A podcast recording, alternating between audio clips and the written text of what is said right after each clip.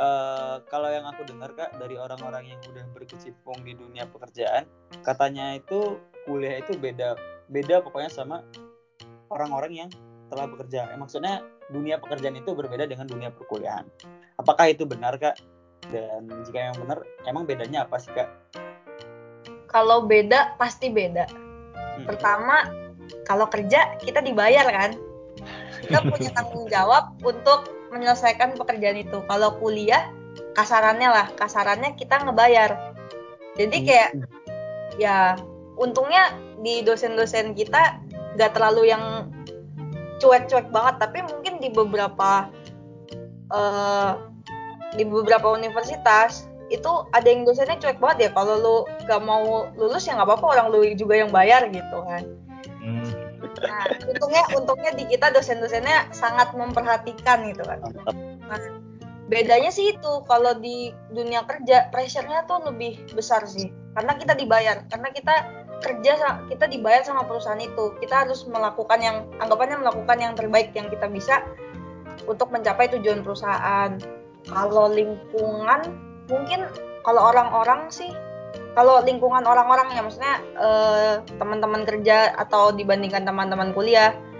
Kalau teman-teman kuliah umumnya seumuran ya kita kan seumuran jadi lebih santai. Tapi kan kalau teman-teman kerja kalau aku apalagi banyaknya bapak-bapak. Banyaknya bapak-bapak udah udah lebih tua-tua ya pasti beda lah. Pasti nggak bakal bisa hang out gitu nggak bisa. Iya. karena mereka kan udah punya keluarga juga ada pun seumuran tapi kita pasti udah capek. Pulang itu udah kalau aku ya pulang tuh udah pengennya rebahan aja. Jadi untuk hangout itu ya bisa dihitung dengan jari lah. Intinya kalau di di kuliah kalian lebih bi, bisa lebih senang-senang. Tanggung jawabnya pun akhirnya cuma ke orang tua kan. Yeah, tanggung jawab yeah. ke iya. orang tua dan ke diri sendiri. Kalau di kerjaan ya itu tanggung jawab kita ke perusahaan ke atasan kita seperti itu dan kita juga bertanggung jawab sama bawahan kita juga bahkan hmm. kadang sama rekan kerja karena kan kita kerja pun nggak sendiri gitu kalau kita kerjanya nggak benar rekan kerja kita juga mungkin outputnya juga nggak bisa sebagus ketika kita kerjanya bagus gitu.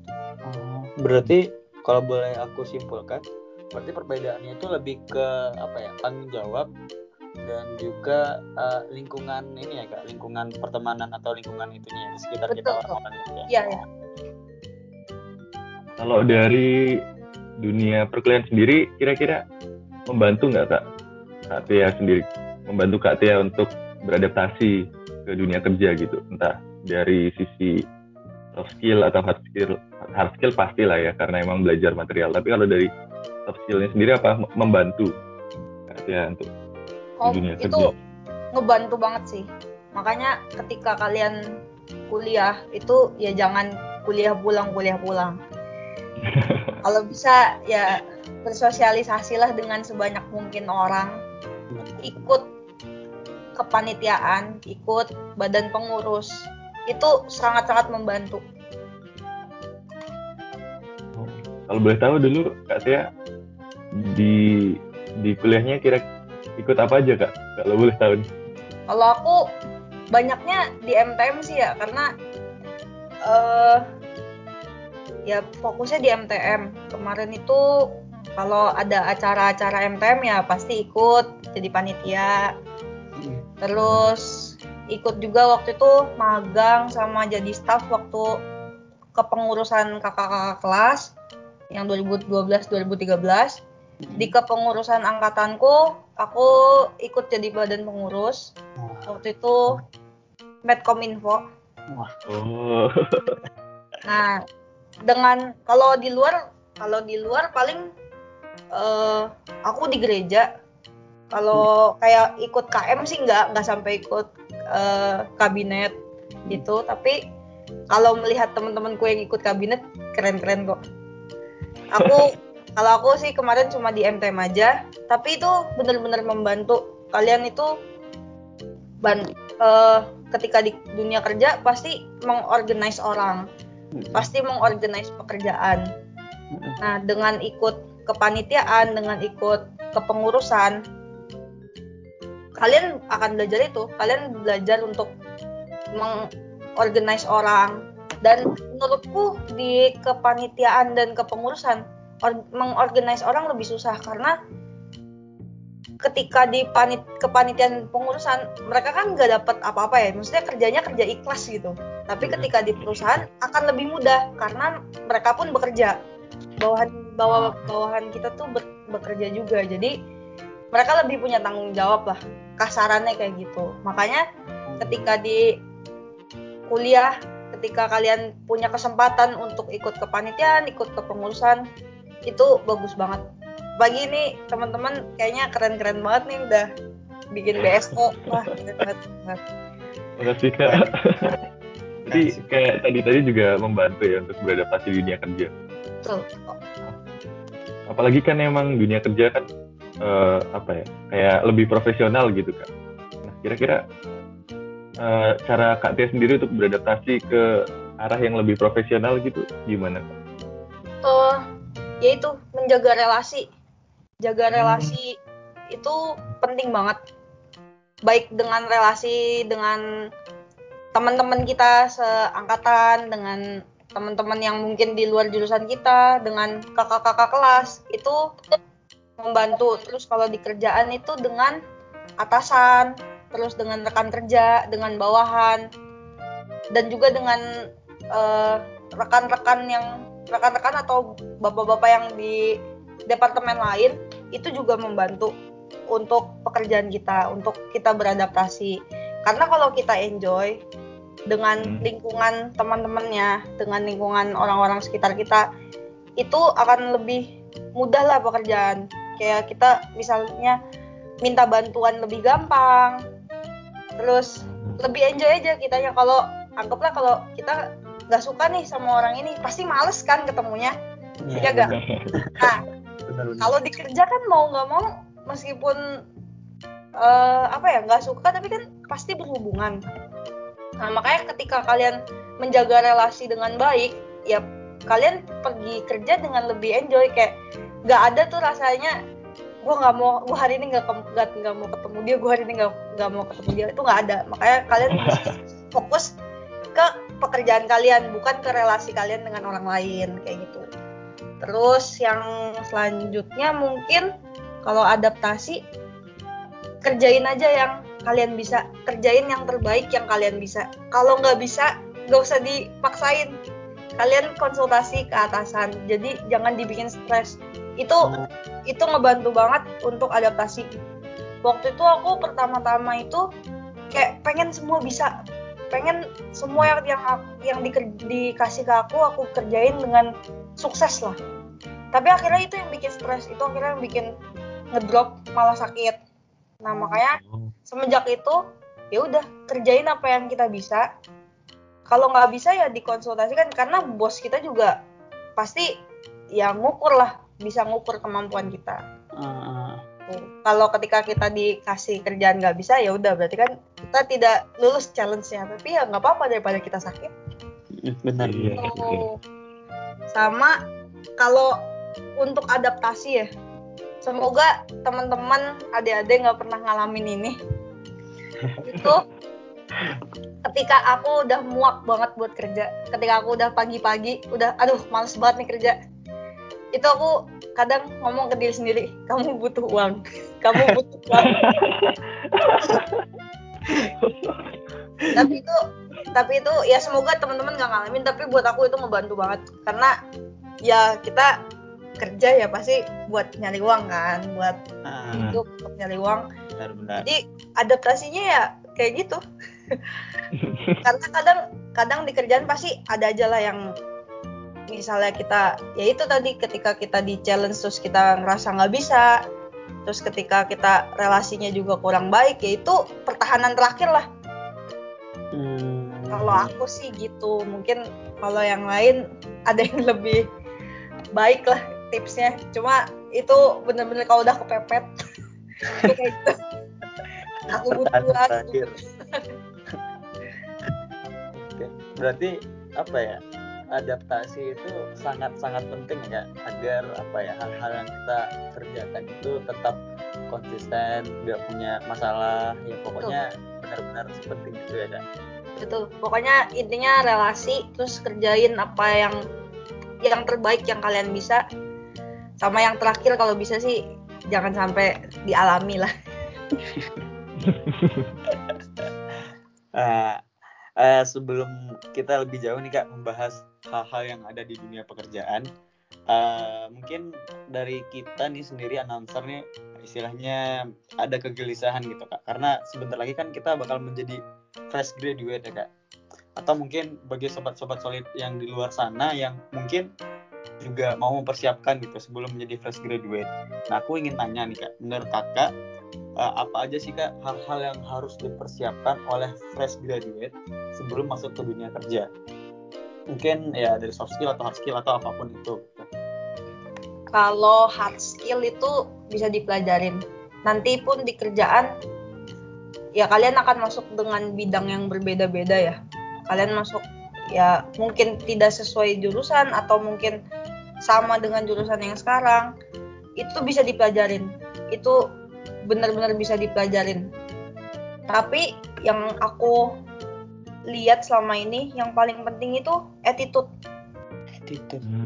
Jadi ketika mungkin kalian kalau di dunia kuliah itu ya kan ketemunya sama teman-teman aja paling paling juga sama dosen ya. Iya. Tapi ketika di kerjaan itu banyak banget orang jenis-jenis orang yang kalian temui. Jadi ya sebisa mungkin attitude kalian ya harus bagus. Kayak gak usah yang muluk-muluk gimana lah. Ya dengan ter, jangan lupa bilang terima kasih maaf dan tolong. Itu sih. Itu ya. benar-benar yang penting banget di dunia kerja. Sesimpel itu. Karena orang tuh pasti ketika lihat kalian kayak gitu ya pasti respect lah. Uh, berarti ya gimana mas? Oh, ini, ya, ternyata emang attitude itu sebaiknya emang dipersiapkan dari dini ya. Ya betul. Bahkan sebelum jauh sebelum kita kuliah gitu harusnya juga udah dipupuk dengan attitude yang baik. Pokoknya kalian harus ya itu jangan lupa min tiga kata paling ampuh itu maaf minta tolong dan terima kasih itu itu bakal benar-benar mengubah kalian. Karena ketika orang melihat kalian oh ini anaknya sopan ya gini-gini itu pasti akan beda perlakuannya sama yang kayak anaknya sadak suduk selengean itu pasti beda. Iya iya benar benar benar. Nah jadi nih bagi sobat solid nih yang masih berkuliah ataupun sekarang juga belum berkuliah nah mungkin dari sekarang bisa dipersiapkan. Nah ya yang dipersiapkan ya ya sesimpel itu yaitu attitude. Seperti yang udah disampaikan oleh Kak Tia tadi. Itu basic ba basic banget lah. Kalau soft skill mungkin kalian bisa carilah di Google banyak lah. Tapi menurutku sih itu. Sama mental. Oh mental oh. ya mental. Kalau kalian mungkin dari kalau kayak aku ya aku tuh dari kecil jarang dimarahin. Aku dari kecil jarang dimarahin tapi kalau kalian yang sering dimarahin ya mungkin mentalnya udah kuat kali ya. Terus kalau untuk orang-orang yang jarang dimarahin tuh caranya gimana kak? atau minta dimarahin teman atau atau pacar? Wah jangan udah pokoknya ketika nanti misalnya kadang di dunia kerja nggak selalu kayak atasan itu ngomongnya baik. Maksudnya ngomongnya nggak kasar gitu. Ini bukan pengalamanku ya ini pengalaman orang tua. Jadi orang tua kan kerja juga uh, nah kalau aku sih nggak pernah ngalamin. Cuma paling ya dimarahin dimarahin sewajarnya aja. Tapi mungkin ada beberapa atasan yang bakal kayak apa ya verbalnya tuh terlalu inilah kayak ngata-ngatain gitu ada. Jangan salah ada. Ada. Yang sampai keluar kebun binatang ada.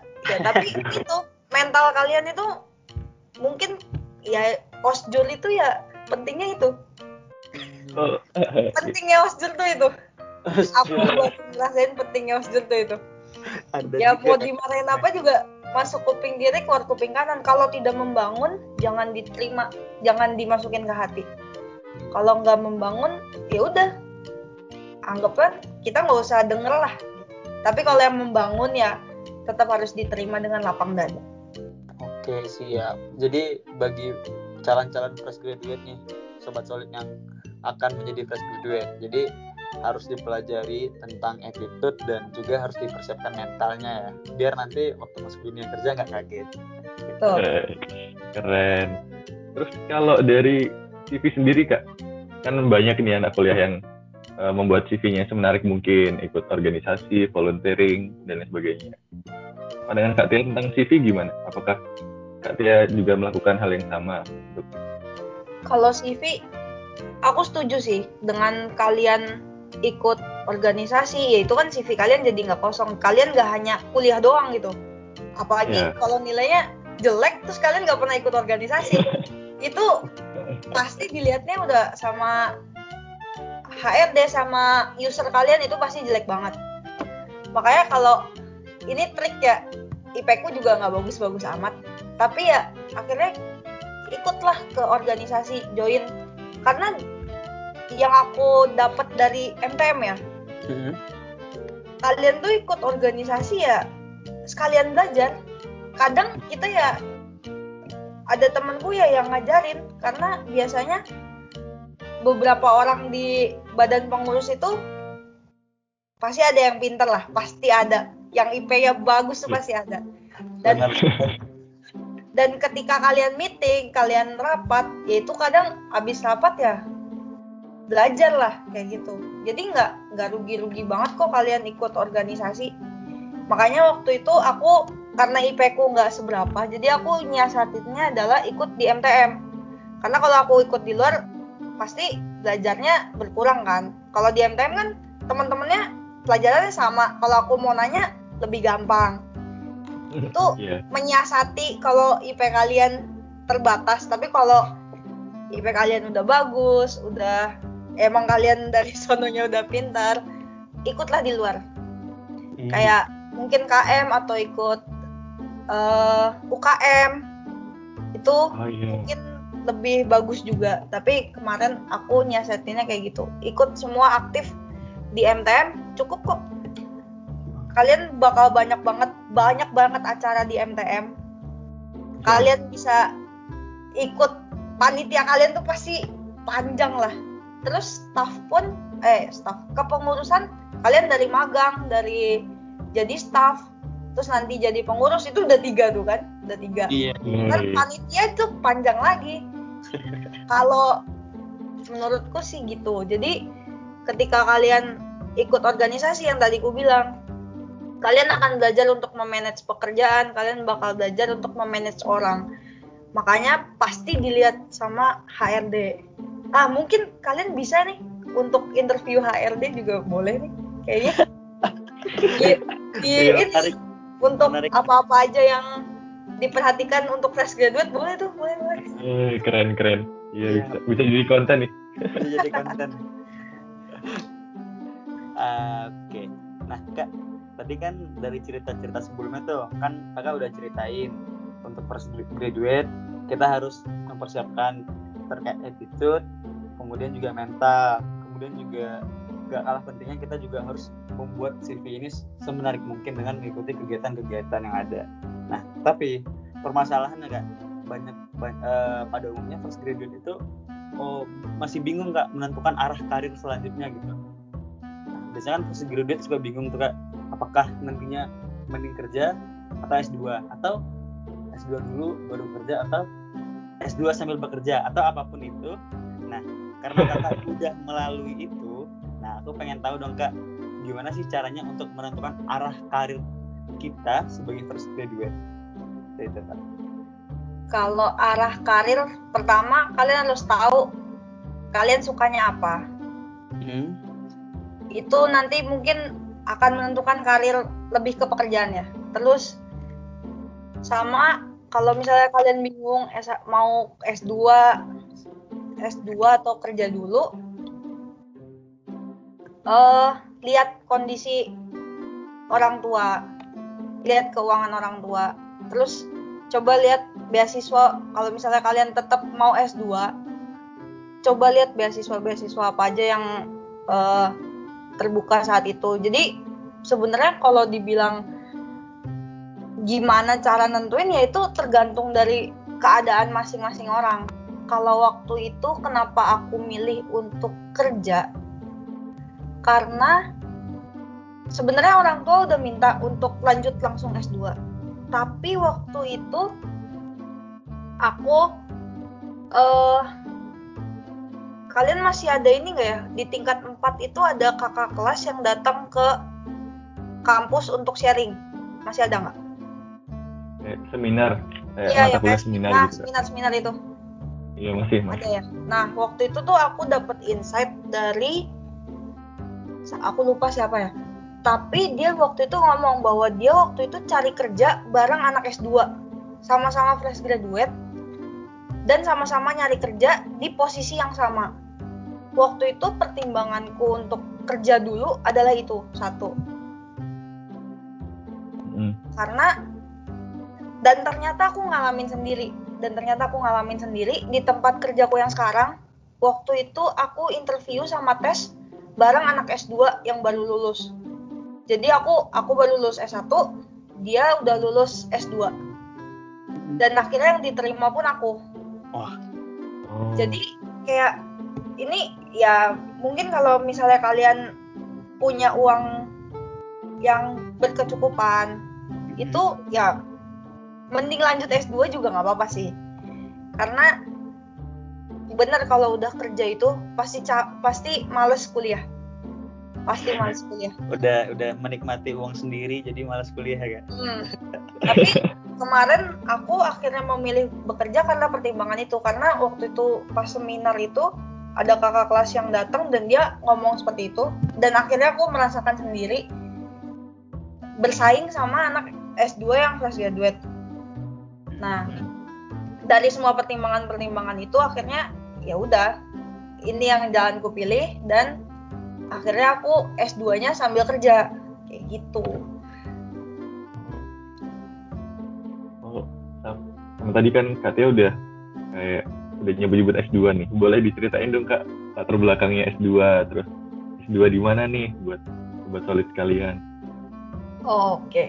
Untuk S2, aku sekarang S2 di Universitas Indonesia di UI. Kenapa di UI? Karena di UI yang ada kelas karyawannya. Oh berhubung iya, iya. Aku, berhubung aku kerja, jadi mau nggak mau ambil kelas karyawan. Mm -hmm. Dan ya kemarin nyari-nyari ya yang kira-kira setara sama ITB apa nih? Oh ya udah UI gitu. Karena di ITB sendiri uh, reguler kan kelas uh, kelas S2-nya nggak ada yang karyawan. Terus untuk pemilihan jurusan aku masuk material lagi. Pertimbangannya saat pertama itu karena uh, material ini jurusan material ini kuliahnya hari Sabtu doang. Hari Sabtu doang jam 8 sampai jam setengah 7 malam kalau di jadwal. Jam oh. 8 pagi sampai setengah 7 malam. Jadi dibabat sehari. Tadinya itu aku mau masuk industri karena kan ya mungkin akan lebih kepake untuk manajemen dan segala macamnya ya. Karena di industri kan belajar manajemen juga. Yeah. tapi ternyata di industri itu ada di hari Jumat kalau nggak salah. Jumat jam 4 padahal jam 4 itu aku belum selesai kuliah. Eh selesai selesai kerja. Belum selesai kerja jam 4 makanya akhirnya oh ya udah material aja yang hari Sabtu aja gitu. Terus pertimbangan kedua adalah karena sambil kerja pasti capek kan? Capek yeah. belum tentu pulang bisa belajar. Belum tentu kayak kemarin aku ujian hari Sabtu ya Jumat itu aku nyampe rumah paling jam 10 karena kan aku dari Cikarang ke sini kan sampai rumah itu jam 9 jam 10 kadang jam 11 ya akhirnya pertimbangannya adalah karena aku udah belajar aku akan lebih familiar dengan materinya. Karena dilihat kemarin lihat silabusnya agak mirip lah. Paling beda satu dua mata kuliah. Bahkan mat, nama mata kuliahnya pun sama gitu loh. Jadi pertimbangannya itu satu karena waktu yang kedua yaitu aku udah belajar ya udah mungkin akan lebih mudah tapi ternyata tidak. Berarti sekarang lagi libur ya ini kak? Sekarang lagi libur, lagi nunggu nilai keluar. Harusnya ini udah keluar tapi aku belum ngecek. Ntar aja. Semangat kak. Berarti sekarang sudah sampai semester berapa kak kalau? Baru beres semester 1. Jadi kemarin itu oh. aku anggapannya aku settle dulu di kerjaan. Aku membiasakan diri dulu dengan semua situasi lingkungan kerja. Baru aku memberanikan diri untuk lam melamar untuk apply S2. Hmm. Kira-kira kalau dari S2-nya Kak Tia sendiri uh, bisa berpengaruh nggak untuk karir ke depannya, entah di perusahaan saat ini atau di setelahnya? Uh, kemungkinan kalau di perusahaan swasta itu nggak terlalu berpengaruh ya, karena biasanya kalau di perusahaan swasta uh, pendidikan terakhir yang pas kalian apply itu yang jadi acuan. Meskipun kalian udah kuliah lagi itu biasanya nggak dihitung. Tapi mungkin di beberapa perusahaan swasta ada yang dihitung tapi umumnya enggak nah aku kemarin kenapa mau S2 adalah setelah merasakan dunia di pabrik gitu ya. Ya pulang itu kadang kita udah mau pulang udah bawa tas dipanggil. Ayo rapat dulu meeting dulu. Mungkin untuk sekarang ketika aku masih single kayak gitu ya mungkin nggak apa-apa kayak pulang malam ya ya udah lah ya nggak ada yang ditungguin juga di rumah. Tapi pemikiranku adalah ke depannya misal nih semisal entah kapan misal aku nikah atau punya anak nah dengan S2 pinginnya aku bisa punya pekerjaan yang lebih fleksibel oh. nggak oh. harus pergi pagi pulang pagi yeah. gitu jadi kemarin pemikiran ke depannya seperti itu itu selain kemarin itu sebenarnya nyari pelarian juga sih kayak udah bosen di kerjaan pengen nih kayak belajar lagi gitu pengen hmm. dapat uh, ketemu teman-teman baru ketemu orang-orang baru kayak gitu lebih ke situ tapi intinya sih pengennya punya punya pekerjaan yang nanti akan lebih fleksibel nggak cuma di pabrik yang strict gitulah dan ter, sangat bergantung sama orang lain dengan kondisi perusahaan juga. Oh, Oke. Okay. Terus untuk mau tanya lagi nih kak, untuk yeah, yang yeah. S2 saat kerja, itu misal kita mau ngambil S2 tapi bukan yang kelas karyawan gitu, apakah ada kayak libur atau cuti dari pekerjaan atau harus resign atau gimana ya? Saya, aku juga. Kalau kalian, kalau yang saya tahu, kalau aku tahu, kalau kalian kerjanya di LIPI, BPPT, B4T, mungkin bisa, mungkin bisa oh, libur. Okay. Karena setahuku waktu itu ada uh, kakak, ada anak S2, pas waktu aku masih kuliah, dia orang LIPI, dan itu kalian kuliah itu digaji. Kalian kuliah digaji. Oh tapi kalau di perusahaan swasta ya jangan berharap lah. kalau kalian di pemerintahan mungkin masih ada peluang untuk kalian kuliah dibayarin dan kalian masih dibayar. Jadi ya enak lah kalau kalian kerjanya di macam LIPI itu masih bisa karena kemarin itu juga yang S2 di UI ini kan ada kelas karyawan sama kelas reguler. Nah, yang kelas regulernya itu banyak anak LIPI banyak anak Batan kayak gitu jadi mereka bisa kuliah uh, meskipun mereka kerja tapi mereka kuliah gitu loh jadi lebih oh, iya. fleksibel kalau di uh, lembaga penelitian gitu tapi kalau di swasta ya pastinya susah sulit lah iya kayaknya emang harus di bisa lagi nih konten di buat apakah apa keuntungan dan kelebihan perusahaan swasta dan BUMN gitu. Semuanya tentang konten ya mas. iya, betul. Jadi makin banyak insight ini dari Kak Tia. Iya, gila sih banyak banget informasi yang kita dapetin hari ini bareng Kak Tia. Oh ya Kak, uh, kayaknya cerita kita udah cukup panjang ya Kak. Gak sadar udah hampir dua jam nih Kak. oh iya ya oh iya iya nah nggak nggak sadar Iya. dua jam Iya. nah, Udah enak gitu belajar apa iya dengerin ceritanya Kak Tia. Heeh. Nah, mungkin sebagai penutup dari podcast kita nih kak, eh, aku pengen dong kak eh, pesan atau kesan dari kak Tia untuk sobat sobat solid semuanya yang ada di Indonesia eh, agar mereka eh, yang masih bingung gitu nentuin jurusan atau eh, masih belum yakin gitu masuk ke teknik material atau apa pun itu eh, dari pesan-pesan kak Tia ini mereka bisa lebih lebih apa ya lebih tercerahkan gitu kak. mungkin ini sih kalian uh, untuk teman-teman yang adik-adik yang masih bingung mau milih jurusannya apa mau kuliah apa mau mau ke depannya kayak gimana. Coba kalian gali dulu kalian tuh senangnya apa. Biar nanti pas kuliah pas kerja itu terutama pas kuliah ya kalian bisa enjoy ngejalaninnya. Nggak merasa terbebani gitu.